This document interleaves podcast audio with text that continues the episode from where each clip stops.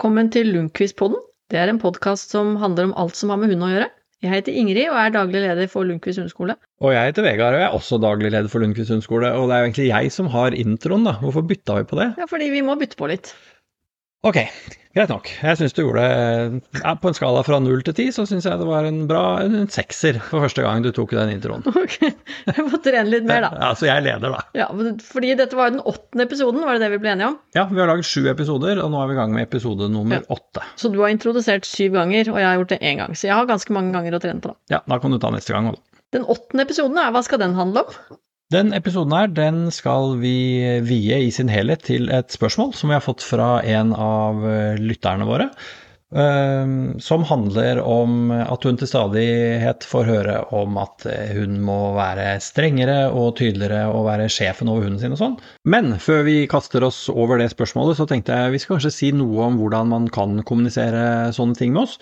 Vi har jo en e-postadresse. Det er podkast, krøllalfa, lundqvist-hundeskole.no. Den er ikke så lett å huske, men vi har også en Facebook-gruppe hvor du også kan stille oss spørsmål og komme med tilbakemeldinger og alt det der. Eh, den heter Lundqvistpodden. Den finner du på Facebook. Det er lett. Og så er det jo sånn at eh, hvis du følger oss på Spotify, så har vi også nå lagt inn sånn at du kan gi oss kommentarer eller tilbakemeldinger på hver enkelt episode. Det er en funksjon som Spotify har. I tillegg så har vi nå på Spotify, da, så på episode sju så la vi ut en sånn spørreundersøkelse hvor vi spurte hvilken episode likte du best. Og der har vi egentlig fått liksom eh, Det er ganske jevnt fordelt utover alle sju episodene. Så det forteller oss egentlig at uh, vi skal lage, fortsette å lage litt sånn variert innhold. For det er jo ikke noe tvil om at det er litt forskjell på disse episodene. da. Og helt til slutt så tenkte jeg jeg skulle si vi får også spørsmål om når er dere publiserer? Hvordan kan jeg vite når neste episode kommer og alt det der. Og det letteste er nok, eh, som de fleste sikkert vet, hvis du følger oss f.eks. på Apple Podcast eller eh, Spotify, så går du inn og så trykker du følg eller liker, og så trykker du på en liten sånn bjelle. Da får du en melding når det kommer en ny episode. Ellers så publiserer vi også det i alle kanalene våre på sosiale medier. da. Ok, nok om disse tekniske tingene. Eh, tilbake til det spørsmålet vi hadde fått. Ja, det var et spørsmål. Dette er et uh, voksen par, 50 pluss, som har sin første hund. Hun forteller at jeg får stadig høre at vi må passe på så hunden blir nederst på rangstigen i familien, at vi må være strengere og tydeligere på regler og være sjefen over hunden. Kan dere ha et podkast som handler om flokken? Hva betyr det egentlig for vår atferd hvis det er behov for at vi skal lage rangordning for at hunden skal ha det bra? Trenger i så fall hunden én sjef, eller kan alle være sjefen over hunden? Det er jo et utrolig bra spørsmål, da. Jeg kjenner jeg blir sånn fylt med sånn skrekkblanda fryd når jeg hører det spørsmålet, for dette her har vi jo mye tanker om. Eh, og Det blir en lang kveld. Det kan det fort bli. Eh, og, men det er mange som får det rådet i en eller annen form, at de må gjøre sånn eller sånn eh, for at hunden skal havne nederst på rangstigen, eller at de må være gode ledere for hunden sin da, for å kunne lykkes i hundeholdet. Ja, for vi snakker egentlig om to ting, gjør vi det? Ja, og kanskje enda mer òg. Jeg tror for å kunne svare på dette litt sånn skikkelig, så må vi nok ta på oss eh, jeg holdt på å si, litt sånn vitenskapelige boksehansker og finne fram noen av de litt sånn skarpere verktøyene for å begynne å plukke dette litt eh, fra hverandre og, og se nøyere på det. Fordi én eh, ting er jo dette som jeg var inne på, at vi må nok nå må begynne å snakke om at hun må være nederst på rangstigen. Eh, eller at du må være en eller annen leder, eller at man har et hierarki, så snakker man jo om noe som er et fenomen som man finner innenfor biologien. Såkalte dominanshierarkier osv. Mens i andre sammenhenger så kan noen snakke om at du må være trygg og forutsigbar, og du må være tydelig og konsekvent og sånn, for å bli en god leder. Eh, og da snakker man egentlig om ledelse, som er et, kanskje et fagområde man finner innenfor psykologi, gruppepsykologi, sosiologi og sånne ting, da, hvis man skal begynne å holde disse fagområdene litt fra hverandre. Og noen ganger så tror jeg at de som gir dette rådet om at du må være trygg og forutsigbar, og i tillegg være litt streng og lage noen regler og sånn, at de bare rører dette sammen uh, uten å ha tenkt så nøye gjennom det. Og det er det vi kaller, vi kaller samrøre. Hva, hva, kalte du røra, sa du? Samrøre er, Samrøre, ja. ja. Det er et begrep innenfor retorikk. Uh, retorikk handler jo om overtalelse, å få folk til å tro på ting. Og det er et enkelt sånn grep som noen tar helt bevisst, hvor man tar kanskje et uh, utsagn uh, eller en påstand som er sann, og så blander man den sammen med en påstand som kanskje ikke er sann i det hele tatt, og så rører man det litt sammen, og så konstruerer man en ny falsk sannhet. Det er et kjent grep innenfor både politikere bruker det masse, og reklamefolk bruker det mye. Og vi skal ikke se bort fra at akkurat dette er med, med ledelse og sånn, kanskje også har en del sånn samrøre i seg, da. Ja, for blir det litt sånn som hvis eh, vi er på fjellet i påsken, eh, og det skal kjøpes med noe sjokolade til turen, hva skal man ha med på påskefjellet? Kvikk Lunsj. Kvikk Lunsj, ja. Og det er kanskje ikke samrøre på samme måte, men det er jo blitt en sannhet blitt som reklamefolk har klart å lage. Det er blitt en etablert eh, sannhet, hvor man har, gang på gang har blitt vist noen bilder av folk som er på skitur eller på skogstur. og De har- er så lykkelige. Ja, og er veldig lykkelige. eh, Og så viser man bilde av den sjokoladen samtidig. Og det er en form for, for samrøre hvor man skaper sannheter som ikke nødvendigvis er eh, helt korrekte, da. Men nå har det kommet en ny sannhet, da. Fordi hva har skjedd med Freia nå? Ja, de på Freia de er jo slemme, og de heier på fienden. Så, De heier på feil lag. så hvis du tar med deg Freia på påskefjellet neste gang, så kanskje da er du Nei, det skal man ikke ta med seg. Men det går nok fort over, da. Ja, Det er samme som altså, etablerte sannheter. Det blir sånn eh, altså, Da jeg var liten, så fikk jeg beskjed om at du, du må ikke spise snø, for da kan du få mark i magen. Eh, og så viser, og veldig mange trodde jo på det. sånn Barnehagetanter og lærere og andre tanter, og, og sikkert noen onkler. Ja, også. moren og faren min også sa det. Så. Eh, og, og alle visste i hvert fall den gangen at du må ikke spise snø, for da kan du få mark i magen. Men det viser, man får jo ikke mark i magen av å spise snø. Eh, Du får mark i magen av å spise mark. det, det er en riktigere måte å uttrykke det på, da. så det handler jo noe om at det som noen sier, blir sant. Ja. Og da tror jeg vi må se litt nærmere på sannheter, altså og kunnskap. Hvordan egentlig man frembringer eh, ting som man kan stole på, da, som ikke bare er myter eller etablerte sannheter basert på noe samrøre og sånn. Og da, da må vi kanskje bevege oss litt over i vitenskapen og se litt nærmere på hvordan det her henger sammen. Og jeg tenker at hvis man ser sånn vitenskapelig på ting, og skal eh, frembringe noe kunnskap, som det heter så fint, så har man jo flere verktøy. Man kan f.eks. bruke kontrollerte forsøk, eh, og gjerne statistikk. Sånn som f.eks. en forsker da kan, eller et forskerteam kan si at nå har vi samlet inn eh, 1000 mennesker som røyker mer enn 40 sigaretter hver dag. Og så har vi tatt med oss 1000 mennesker som aldri har røyka i hele sitt liv. Og så ser vi på forekomsten av hjerte- og karsykdommer, f.eks. Og så konkluderer man da veldig fort med at det er veldig mange flere i den gruppa som røyker mer enn 40 sigaretter hver dag, som er plaga med hjerte- og karsykdommer, enn de som ikke har det. Dette kan jo indikere at røyking og hjerte- og karsykdommer henger sammen. Og så kan det fort komme noen som vil si at ja, men før vi kan konkludere med det, så må vi gjøre det med enda mange flere mennesker. For det handler jo om statistikk og matematikk, og, og det finnes en god del regler da, som definerer når noe på en måte er etablert som en sannhet innenfor vitenskapen. Det andre man kan gjøre, det er å bruke det vi kaller logikk. At man sier at uh, fordi to pluss to er fire, så blir fire pluss fire åtte, f.eks. Altså en matematisk logikk, da. Eller at man kan si at uh, en eh, Jarlsbergost er gul og har masse sånne store hull og krater i seg. Og månen den er også gul og har sånne store hull og krater i seg. Det betyr jo da at månen er en Jarlsbergost. Det er jo det er logikk. Den er kanskje litt verre. Ja, fordi her er det åpenbart en logisk brist, ikke sant. Eh, Fordi logikk er jo sånn, fordi det på den ene siden er sånn, så setter vi det sammen med noe annet som er sant, og så og frembringer vi ny kunnskap. Men hvis eh, noe av den logikken brister, så, så blir det vi sier feil. Og sånn kan det bli f.eks. dette med å, å være sjefen, da. Så kan man si at eh, eh, at hunder stammer fra ulven. Og ulver lever, er jo flokkdyr som lever i såkalte eh, flokker, eh, som styres av noen klart definerte dominanshierarkier. Og hunder lever i tilsvarende flokker som ulver. Og når hunder da lever i flokker sammen med mennesker, så vil de forsøke å komme på toppen av dette hierarkiet. Ja, og da må en være alfa og sjef og sånt. Ja, og dette er jo en form for logikk, og det høres jo ikke helt sånn høl i huet heller. Bortsett fra at her er det jo noen logiske brister, da. Fordi det er vel egentlig bare den ene påstanden som er sann, nemlig at hunden stammer fra ulven. Alt det andre jeg sa, det er eh, tilbakevist. Ulver de lever jo ikke i sånne flokker med klart definerte dominanshierarkier. Og hunder de kan jo leve på mange forskjellige måter, i hvert fall ikke i sånne flokker sånn som ulver gjør. Og vi vet jo også at hunder skiller på, på mennesker og hunder. så det, det var, Her lagde vi egentlig en påstand da, som hørtes ganske sånn rimelig ut. Det er mange som tror på det. At fordi hunden stammer fra ulven, så, så ser vi på noen ulvefilmer og naturfilmer på TV, og så vet vi hvordan vi skal behandle hundene. Og så, så svikter det da på, på kunnskapsgrunnlaget. Men hvor kommer dette da fra? At uh, hundeeiere må være sjefen? Hvorfor gir vi hverandre disse rådene? Det er et interessant spørsmål. og jeg vet jo, Nå sitter du og spør meg, da. Eh, men dette har vi jobba mye, mye, med sammen. Eh, men hvis man begynner å se på hundebøker som er skrevet tilbake altså Det finnes jo hundebøker Vi har i hvert fall hundebøker som er skrevet sånn tilbake på i 1927 og 30 og 40 og 50. Det er ganske interessant egentlig å lese gamle hundebøker. Ikke fordi det som står der er så innmari lurt, men det er interessant å se hvordan man tenkte før, sammenligna hvordan vi tenker i dag. Og du må helt opp på 70-tallet Eh, på hundebøker da, som er skrevet for folk flest, og hvordan man skal trene og dressere hunder, før du begynner å finne noe om dette som handler om eh, rangstiger og hierarkier og være sjef og sånn.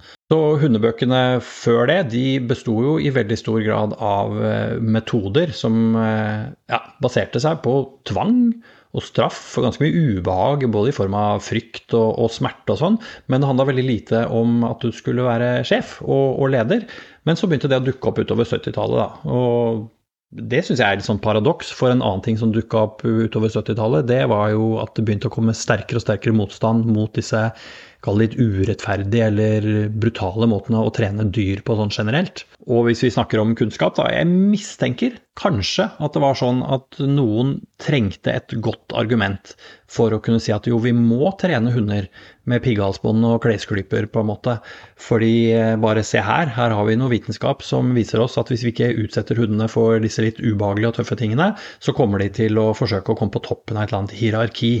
Eh, fordi det kom samtidig med at eh, ja, flere anerkjente vitenskapsfolk og, og, psykologer og etologer begynte å si at vet du hva, det å påføre så mye smerte, det å få påføre så mye frykt, um, skaper masse stress. Det er hemmende for læring, og det er helt unødvendig å, å trene verken hester eller hunder eller andre dyr på, på den måten. For dette kom veldig samtidig.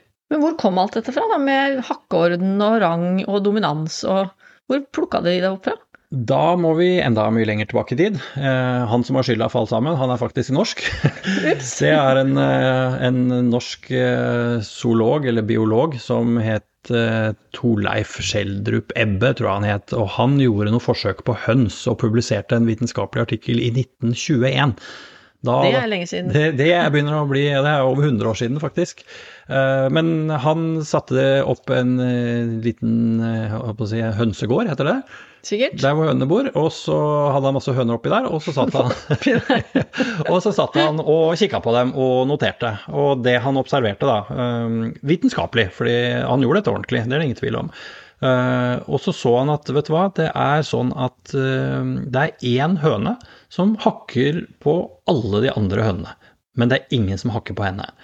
Og så er det én høne, jeg vet ikke helt hva han gjorde der, men det er klart at dette kan man gå tilbake og sikkert finne. Ja, sikkert fargeflekker i panna. Helt sikkert, ja. for det er jo det man kaller et forskningsdesign. ikke sant? Hvordan klarte han å holde orden på alle disse hønene. da. Men så ser han da det er det én høne som hakker på alle, bortsett fra én. Det er den derre Hun som hakker på alle? Ja, det er alfahøna, ikke sant.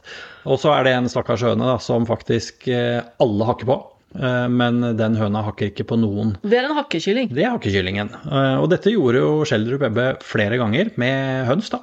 Og, og, dokumenterte det grundig og sier at her ser vi et fenomen, nemlig at dyr skaper såkalte hakkeordener, eller dominanshierarkier. Og så lagde han noen definisjoner og sånn ut ifra det, da, og blant annet som dette med alfa. At den høna som er helt øverst på dette, den rangstigen, eller hakkeorden, hun er jo sånn at hun hakker på alle de andre, skremmer alle de andre, men det er ingen som tør å ta igjen. Og det var alfahøna. Vi pleier kanskje ikke å snakke så mye om alfahøner, men det, det var faktisk begrepet, da. Men vi snakker jo om alfaulver. Ja, eller man brukte i hvert fall det begrepet før i tida. Fordi dette ble jo det, Mange syntes dette var veldig spennende uh, innenfor vitenskapelige kretser. Og hvis vi tar det over til ulv, så var det vel han som heter Rudolf Schenkel, tror jeg han het. Eh, som, Hørtes streng ut. Ja, det vet jeg ingenting om, da. Men han forska på bl.a. noen ulver i en dyrepark i Basel, hvor han eh, så akkurat det samme. Han ser at det er noen av disse ulvene som eh, er eh, ganske tøffe med de andre, og så får man et helt sånn tydelig og klart hierarki, eller et dominanshierarki, eller en hakkeorden, som han kaller det. Altså han gjorde akkurat de samme observasjonene, og gjorde en vitenskapelig, eller kom ut med en vitenskapelig publikasjon, tror jeg, i 1947, som bekrefta på en måte at det som Schjelderup Ebbe hadde sett i hønsegården, det hadde han også sett eh, i ulveinnhegningen. Ja, Ebbe og Schenkel de er jo anerkjente vitenskapsfolk. Stemmer ikke de undersøkelsene og de vitenskapelige forsøkene som de gjorde da? Jo, det tror jeg. Det er eh, Det fins eh, eksempler på hakkeordener og dominanshierarkier i naturen, men man får noen, veldig fort noen utfordringer da. Og det som Schenkel og Schjelderup Ebbe gjorde, var jo at de jobba i stor grad med dyr som var av samme kjønn. Eh, selvfølgelig dyr av samme art, og som levde under ganske trange forhold. En av utfordringene blant annet, de har jo ikke noen mulighet til å forlate denne gruppa. Så de lever i et litt sånn stressende miljø som de heller ikke kan forlate. Og det har man jo bl.a. sett i ettertid, at disse litt tydelige rangordnene og hakkeordensystemene de dukker kanskje først og fremst opp under stressende miljøer som du ikke har mulighet til å forlate. Altså du lever i en sånn tvungen form for fangenskap. Uh, og det er veldig veldig mye lettere å observere det når man også ser på at alle individene er av samme kjønn. Ja, det, Så da snakker vi egentlig om dominanshierarki. Men hva, hva betyr egentlig dominans, da? Det kan vi gjerne snakke litt om. Ja, det er jo et begrep, og jeg tenker at det er stor forskjell på det man kaller dominans sånn ute i nabolaget, eh, og hva som, de, som defineres som dominans innenfor etologien da, eller atferdslæra. Og hvis vi holder oss liksom til disse gangbare definisjonene, så er det jo sånn at eh, dominans det er et begrep som brukes for å beskrive stabile relasjoner mellom individer oppnådd gjennom tvang, trusler, aggresjon og underkastelse for å avgjøre hvem som har prioritert tilgang til ressurser. Det er jo interessant. Vi skal linke dette opp mot disse rådene om å være sjefen etterpå, og få hunden nederst på rangstigen og sånn. Ja. Men husk den uh, definisjonen. Ja. Hva kalte du det? Du kalte det tvang, trusler og aggresjon. Og underkastelse. Og underkastelse. Det er viktig, da, fordi, og vi vet altså det virkemidlet man bruker da, for å oppnå denne posisjonen, altså det å komme oppover i dette hierarkiet, eh, altså tvang, trusler og aggresjon, det kalles for dominansaggresjon. Så både det å være truende eh, eller det å tvinge, eller faktisk det å være direkte aggressiv, eh, er dominansaggresjon. Og så er det viktig å være klar over at hvis man skal snakke om at et individ er dominant, altså innenfor dette begrepsapparatet som man har eh, lagd, som forskningen har lagd. Hvis et individ er dominant, så må vi også ha et individ som har underkastet seg og akseptert forholdet. Og da svikter det litt fort når noen går rundt i nabolaget og sier liksom at den hunden der borte, i nummer 4B, den er så dominant. Ja, for Dominant overfor hvem, og i hvilken relasjon? Ja, og det har man kanskje ikke helt klart for seg. da, ikke sant? Man har gjerne hund da som kanskje bjeffer mye, og som knurrer og flekker tenner, og som skremmer alle naboene. Eh, og kanskje også skremmer alle de andre hundene i nabolaget. Men man kan ikke kalle den dominant likevel, eh, fordi man må i så fall se at man har noen som underkaster seg og aksepterer denne stabile relasjonen. Da. Og da svikter det litt med en gang. Da snakker man nok veldig om to forskjellige ting. Ute i nabolaget så kanskje man egentlig snakker om en hund som noen syns er litt skummel. Men så blir det ofte sånn at så fort hun da viser en eller annen form for aggresjon, så blir det i denne tankerekken sånn at hunden forsøker å bli sjefen. Mm. Fordi den knurrer eller bjeffer eller glefser eller utøver en eller annen form for aggresjon, da. Som mm. kan komme av mange ting, det skal vi snakke om etterpå. Men da skal den bli Den prøver å bli sjefen i flokken i familien hjemme. Ja, og dette baserer man da på disse tankene fra bl.a. Uh, Schenkel og Schjelderup Ebbe, da, som er uh, Ja, Ebbe er vel eldst, da, dette er over 100 år gammelt. Men hva med ulvene, da? Ulvene i naturen, ikke ulvene i dyrepark, men de som lever trasker rundt ute i Østmarka og i naturen. Eh, de blir jo brukt som rollemodeller, hvis man kan kalle dem det, og si at fordi ulvene gjør sånn og sånn, så må vi også gjøre sånn og sånn med hundene våre. Ja, og her begynner jo på en måte kanskje denne logikken å briste for alvor, da. Fordi man Det som faktisk eh, Schenkel trodde jo helt oppriktig, og det har man i sin fulle rett til å gjøre. Det er vanskelig å forske på villulv.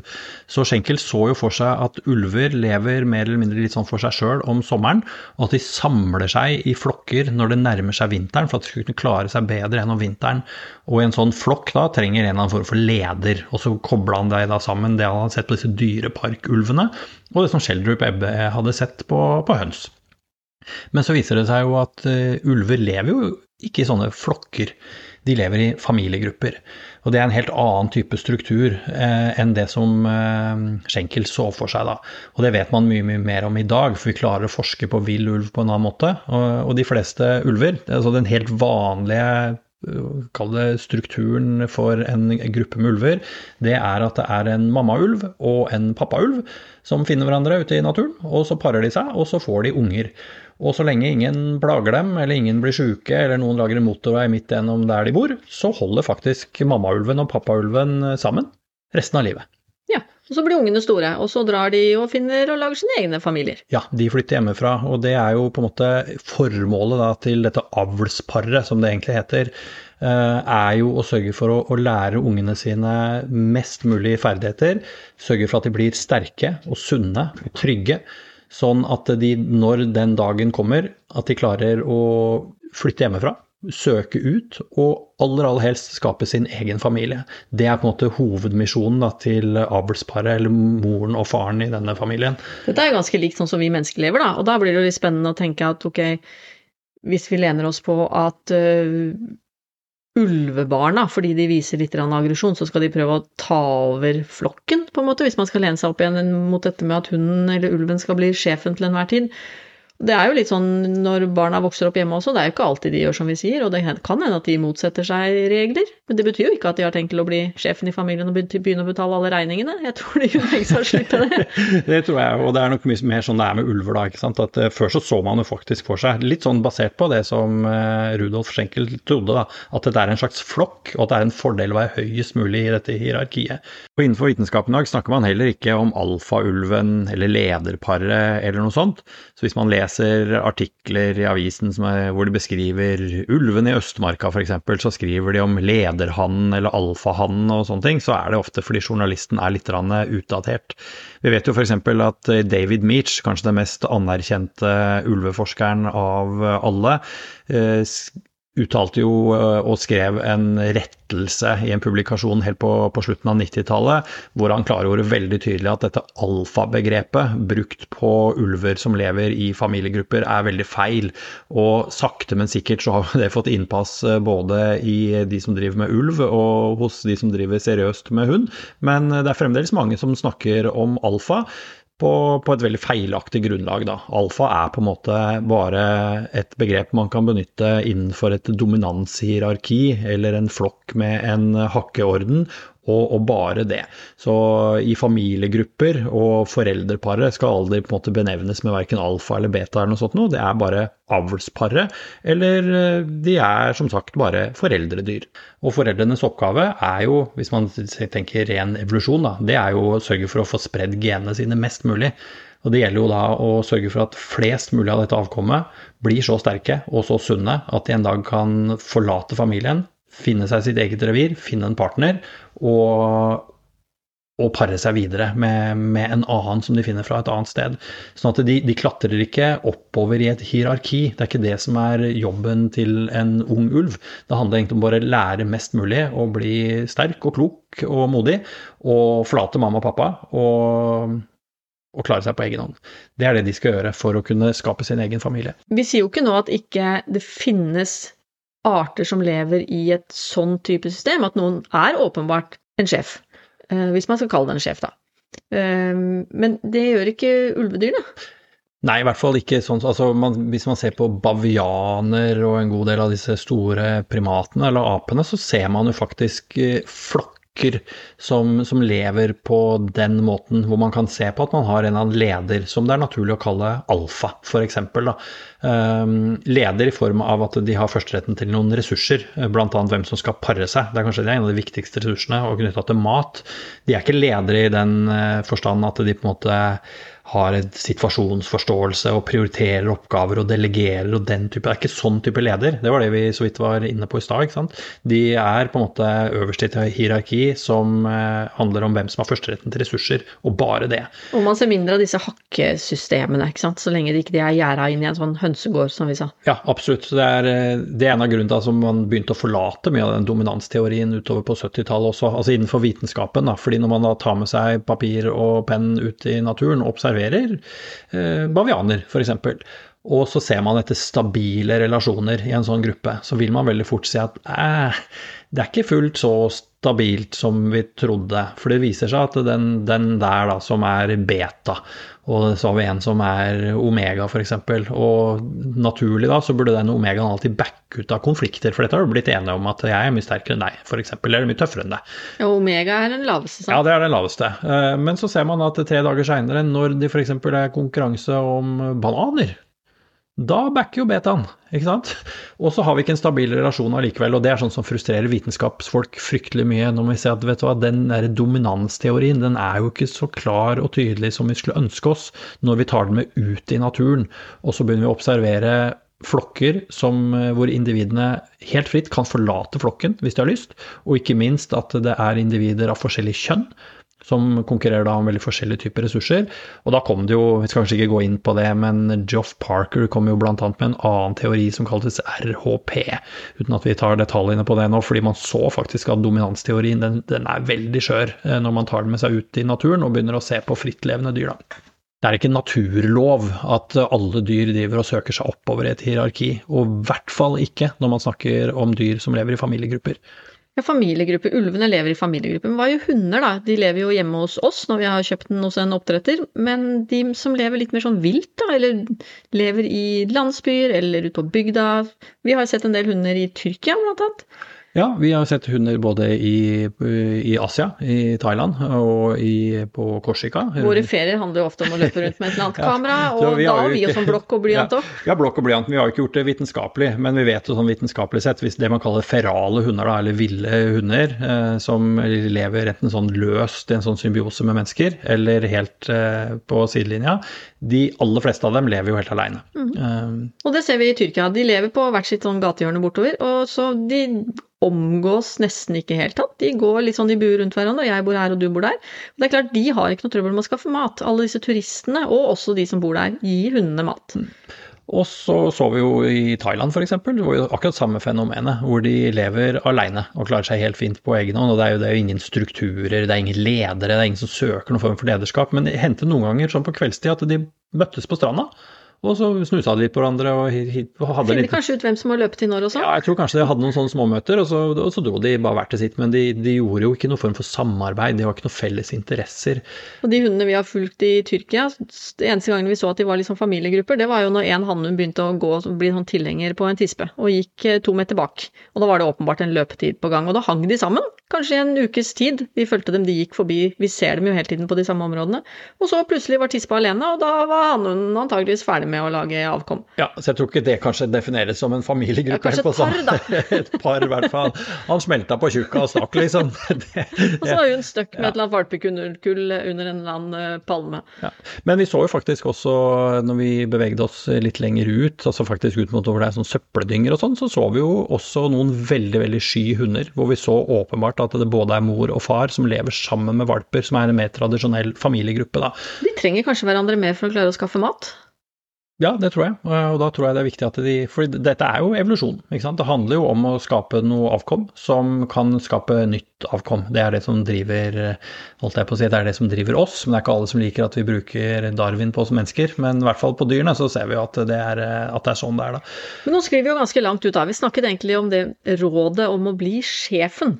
Ja, og nå har vi i hvert fall plukka ned denne logikken med at hunder eh, de eh, lever ikke i samme type strukturer som det ulver gjør, og ulver de danner ikke klart definerte dominanshierarkier.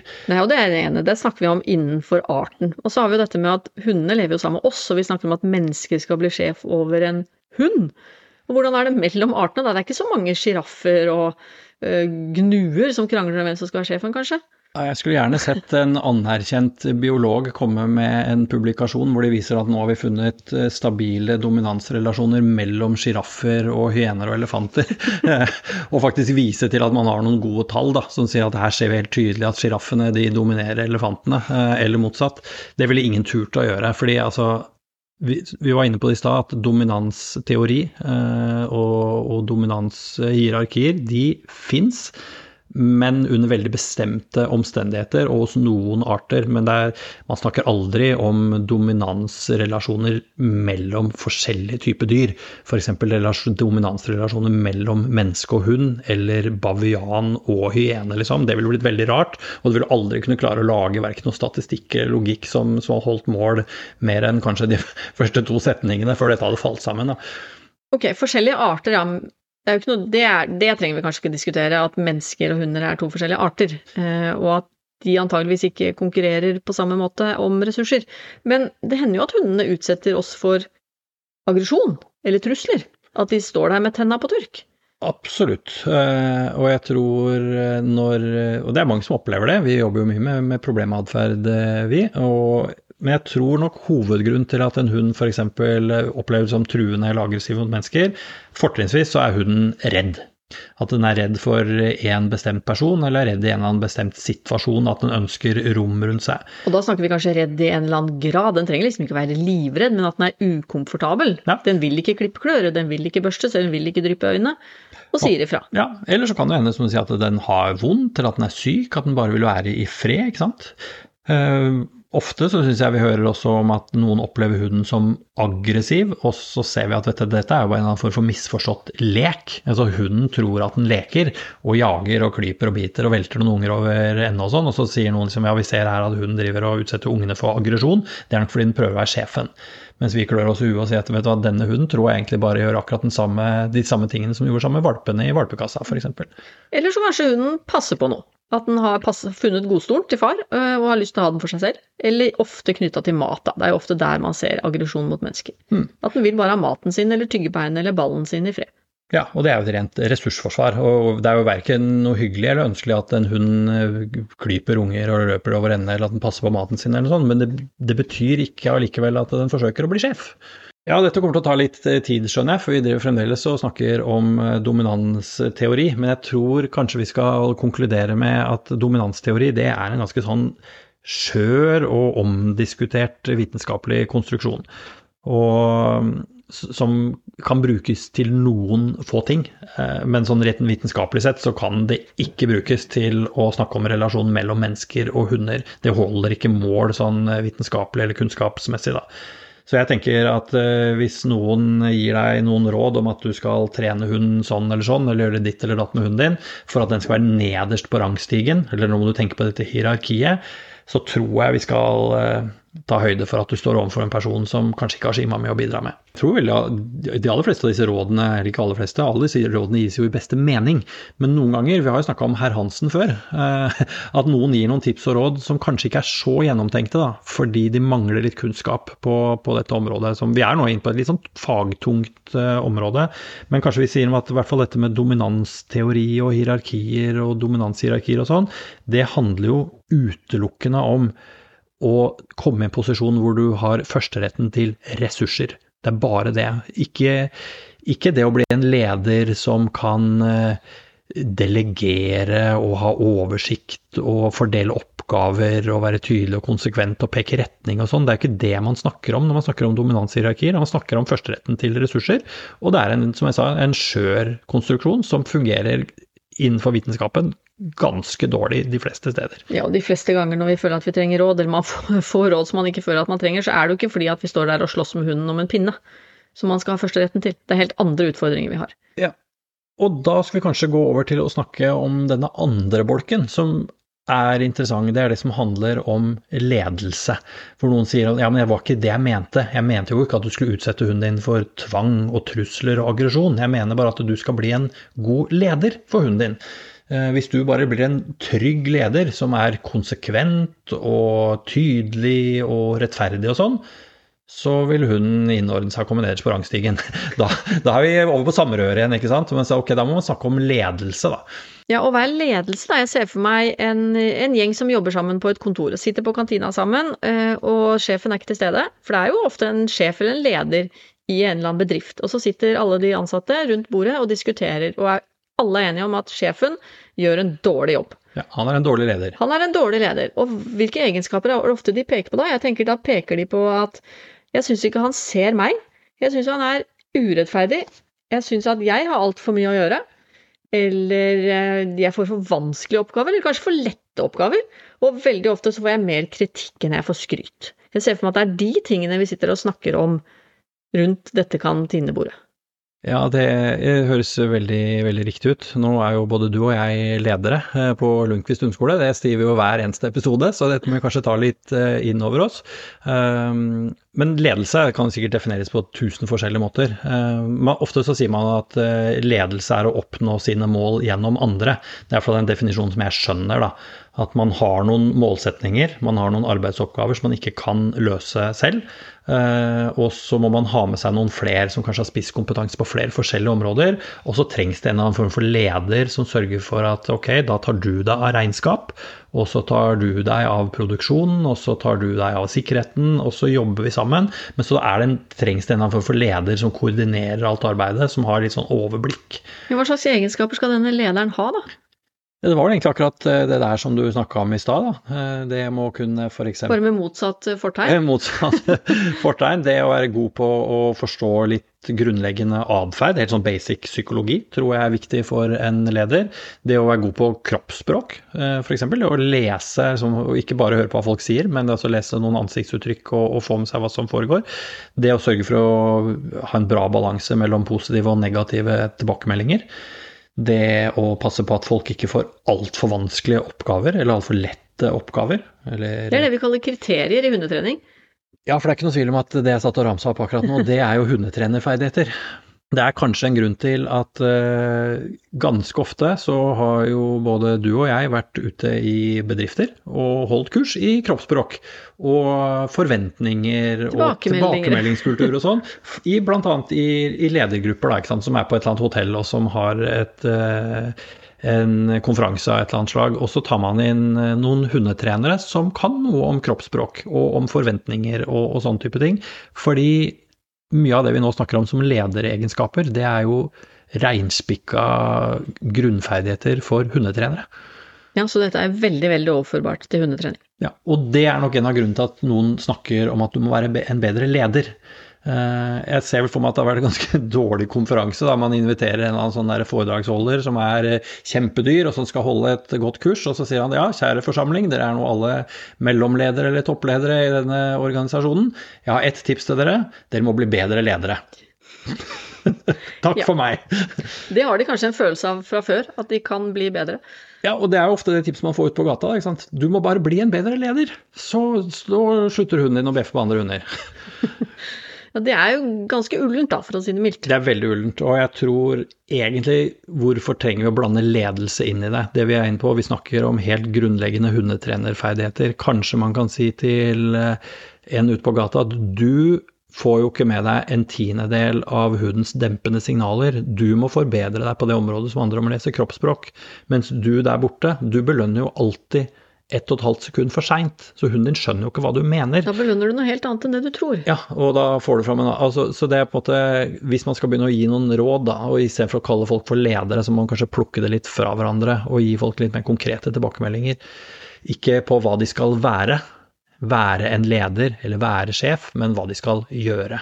Ja, og hvis man tar det helt konkret, da. Hvis man da har en hund som bjeffer på hundene i nabolaget. Da har vi allerede konkludert med at det er ikke fordi den prøver å bli sjefen. Det er ikke fordi den forsøker å overta alle familiene i nabolaget og alle husene og alle gjerdene.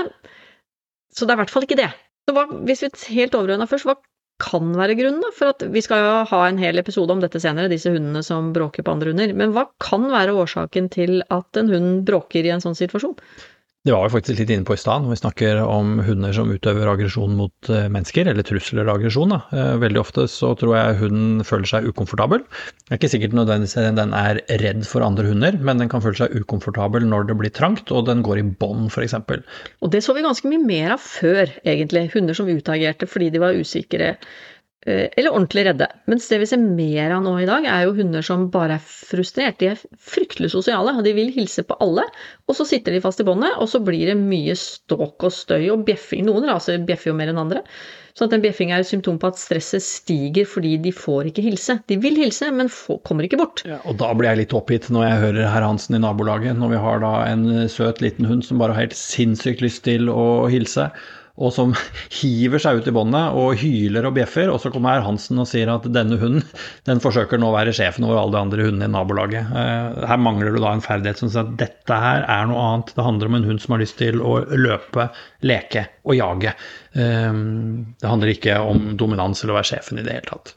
Ja, og bjeffing er jo ofte et symptom på stress, uansett om det er fordi den er usikker, eller fordi den er frustrert, eller fordi den andre ting. Det kan være helseting, som vi var inne på. Det kan være altfor mye hjemme alene. Det kan være at den er overstimulert, eller ofte understimulert. Sånn at mange, mange grunner til dette stresset som fører til at den bjeffer. Ja, eller at den passer på mor eller far, eller altså den som går i andre enden av båndet, som en ressurs. At det er et rent ressursforsvar, ikke sant. Og det er altså, Når vi er tilbake til herr Hansen igjen, og jeg henger meg litt opp i det, så tenker jeg liksom at når noen da sier at eh, ja, for du skjønner, når eh, far går tur med hunden, da bjeffer den ikke på andre hunder. Mens når mor gjør det, så bjeffer den på andre hunder. Det betyr at uh, hunden er under far på rangstigen, men over mor. Jeg vet ikke om du har hørt sånn, sånn logikk som det. Men det kan hende det er såpass enkelt som at f.eks. at hunden passer på en ressurs, nemlig at jeg er veldig opptatt av å passe på mor, for hun er jeg glad i, og jeg vil ikke at noen skal komme i nærheten av henne. Men det er ikke så farlig med meg, han der som går tur med meg en gang i uka, han ser jeg ikke på som noen ressurs, så da bjeffer jeg ikke heller. Eller at far faktisk holder et høyere tempo, kanskje far jogger, eller far går forbi alle hunder, det har han alltid gjort, mens mor lar hunden hilse på hver tredje-fjerde hund, sånn at forventningene alltid ligger der. Ja. Eller at hunden har hatt én dårlig erfaring sammen med mor én gang og ikke har opplevd det samme sammen med far, som gjør at hunden føler seg tryggere når den går med far enn med mor. Det, det, altså Jeg skjønner ikke hvorfor man skal finne en så eksotisk og mystisk forklaringsmodell som begynner å snakke om dominans og hierarkier og ledelse og sånn, når man egentlig kan si at sannsynligvis så syns denne hunden at de andre hundene skal gå litt lenger unna. Eller jeg gjør dette her fordi jeg har så lyst til å leke, eller jeg bjeffer på andre hunder fordi jeg vil ha mor for meg sjøl. Ja, så vi skjønner jo hva herr Hansen eller mannen i gata mener når man sier at du må bli en bedre leder for hunden din. Men det er jo, som vi har vært inne på flere ganger, fryktelig ullent, og det hadde kanskje vært lettere å forstå, lettere å forholde seg til, hvis, uh, hvis man sier at du må bli en bedre hundetrener. Nå er det jo sånn at det vet antakeligvis denne hundeeieren, når man står midt oppi denne problemstillingen og hunden oppfører seg som en tullebukk. Men det er jo det å klare å være konkret og si hva er det, i hvert fall for din egen del, finne ut hva er det jeg trenger å bli bedre på. Skal jeg bli bedre på å belønne, trenger jeg å bli bedre på å avlede, trenger jeg å bli bedre på å lære hunden hva er den faktisk skal gjøre denne situasjonen? Trenger jeg å være bedre på kriterier? Trenger jeg å være bedre på stress? Trenger jeg å bli bedre på språk og forstå språk? Så er det mange ting som man kanskje skal gå inn i seg selv og finne ut hva er det du skal bli bedre, hun, bedre på som hundeeier. Ja, helt enig. Det er bedre å holde dette nede på et sånn praktisk nivå enn å gripe etter sånne eksotiske forklaringsmodeller som ledelse og hierarkier og rang og sånn. Vi starta jo denne episoden med å snakke om samrøre, og man kan jo finne det andre veien også. Hvordan da? Jo, altså På 70-tallet så ble det jo etablert en sannhet om at man eh, måtte trene hunden på en helt bestemt måte. Man måtte lage regler, og man måtte være litt sånn streng og kanskje bruke noe tvang og straff og ubehag osv. for å holde hunden nederst eh, på rangstigen. Mens i dag, da, eller kanskje egentlig de siste 30, kanskje 40 åra, eh, så har jo de fleste som jobber seriøst med atferd hos hund og ulv, forlatt dominansteorien. Ikke fordi vi ikke liker den, men rett og slett fordi det er en forklaringsmodell som fungerer utrolig dårlig når vi skal snakke om relasjonen mellom hund og menneske. Men eh, noen har på en måte gått eh, Jeg håper å si man har jo ofte sånne pendler som slår fram og tilbake, og den pendelen sto kanskje ganske langt ut til den ene siden, sånn på 70-tallet. Og så slår den kanskje veldig langt over når noen på en måte lager en sånn logikk eller en form for samrøre, da, hvor man kanskje lager en logikk som eh, går omtrent sånn som det er. Altså at man i, i gamle dager så brukte man dominansteori for å argumentere for at man måtte bruke tvang og ubehag, eller det vi kaller aversiv, straff og straffebasert hundetrening og sånn, for å lykkes med hundetreninga. Men siden det har vist seg at dominansteorien er så svak, og ikke kan brukes til å forklare relasjonen mellom menneske og hund, så blir det et slags bevis på at vi ikke skal bruke noen form for ubehag i hundetreninga. At vi altså skal trene 100 belønningsbasert. Men er det noe galt i å trene 100 belønningsbasert, da? Nei, nei, absolutt ikke. 100% belønningsbasert hundetrening, det er kjempefint, det. Eh, men vi kan ikke si at det er den eneste rette måten å trene hund på, fordi dominansteorien har blitt tilbakevist. Eller i hvert fall at dominansteorien har blitt tilbakevist som en forklaringsmodell da, som kan si noe om relasjon mellom hunder og mennesker. Det blir på en måte bare en ny samrøre, eh, på, bare med motsatt fortegn av det vi snakka om i stad. Eh, så hvordan man velger å trene hund, altså om du trener 100% belønningsbasert eller 90% belønningsbasert eller 70% belønningsbasert, det er jo på en måte et valg du gjør basert på noen verdier. Vi kan ikke legge til grunn noen gamle sånne etologiske eller biologiske teorier, verken fordi de er tilbakevist eller fordi man tror på dem, som, som en slags begrunnelse for at den ene måten å trene hund på er riktigere enn den andre. Eh, det vi har i Norge, så har vi en dyrevelferdslov som sier noe om hva du har lov til, og hva du ikke har lov til. Eh, den må alle forholde seg til. Den kan du på en måte ikke velge bort, da, fordi jeg har et verdisyn som er slik eller sånn, så jeg bare velger å se bort fra det som, eh, som loven sier. Og så er det ikke noe tvil om at det å på en måte begynne å påføre hunder ubehag og utsette dem for tvang og sånne ting, har jo veldig veldig mange konsekvenser som man kan finne blant innenfor, innenfor læringsteori og stressbiologi og sånn, så finnes det mange argumenter for å, å, velge å trene hund på den ene eller andre måten, eh, men til syvende og sist så er det faktisk et verdivalg. Ja, og da tror jeg vi kan begynne å konkludere da, og si at eh, så slutt å snakke om ledelse. Ikke fordi det er feil, men jeg tror det å snakke om rangstiger og hierarkier og ha hunden nederst og Det er feil. Det er feil. Altså, altså, så, det, er sa, det, er, det er tullball. sånn at eh, hvis det kommer noen og gir deg tips med, med det som bakgrunn, at liksom bare se på ulven, hvordan de har disse hierarkiene, så, så, må du vite hvordan du skal gjøre det med hunden din også. Eh, da skal den utsettes for hva vi sa. Eh, tvang, trusler og, og aggresjon. Det er rør. Så da kan du kanskje bare smile og vinke og si ja, en fin dag. Nå snakker du med herr Hansen, som er litt sånn kort inn på den der eh, Dunning-Krüger-kurven som jeg snakka om tidligere. Da. Eh, men hvis de snakker om ledelse, så skal du ikke se bort fra at eh, de mener noe om at du kanskje er inkonsekvent.